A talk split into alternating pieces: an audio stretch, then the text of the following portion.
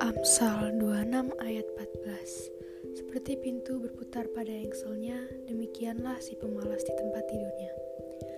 Tuhan memberikan berkat waktu kepada semua manusia di dunia ini dalam porsi yang sama, tidak ada yang lebih banyak atau lebih sedikit, yaitu 24 jam dalam sehari atau 168 jam dalam seminggu.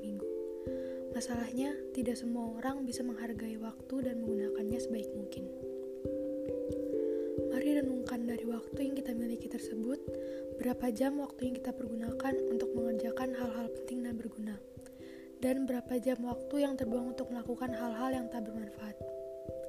Berapa jam waktu yang kita pergunakan atau sisihkan untuk mengerjakan perkara-perkara rohani seperti beribadah, bersaat teduh, berdoa, membaca Alkitab, melayani pekerjaan Tuhan, dan menabur kebaikan kepada sesama. Setiap orang pasti memiliki kebebasan untuk menggunakan waktunya. Jadi, pilihan hidup atau keputusan ada pada kita masing-masing untuk menjadi orang yang rajin atau malas, orang yang berhasil atau gagal. Ingat, Tuhan memberikan kesempatan dan tanggung jawab kepada setiap kita sesuai dengan talenta masing-masing.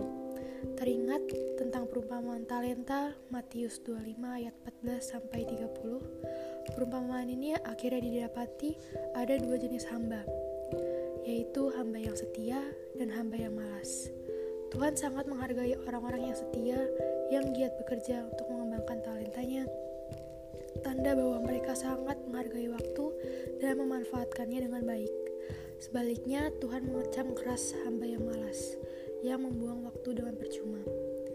Tuhan menyebut hamba malas ini sebagai hamba yang jahat akibat kemalasannya dalam mengembangkan talentanya.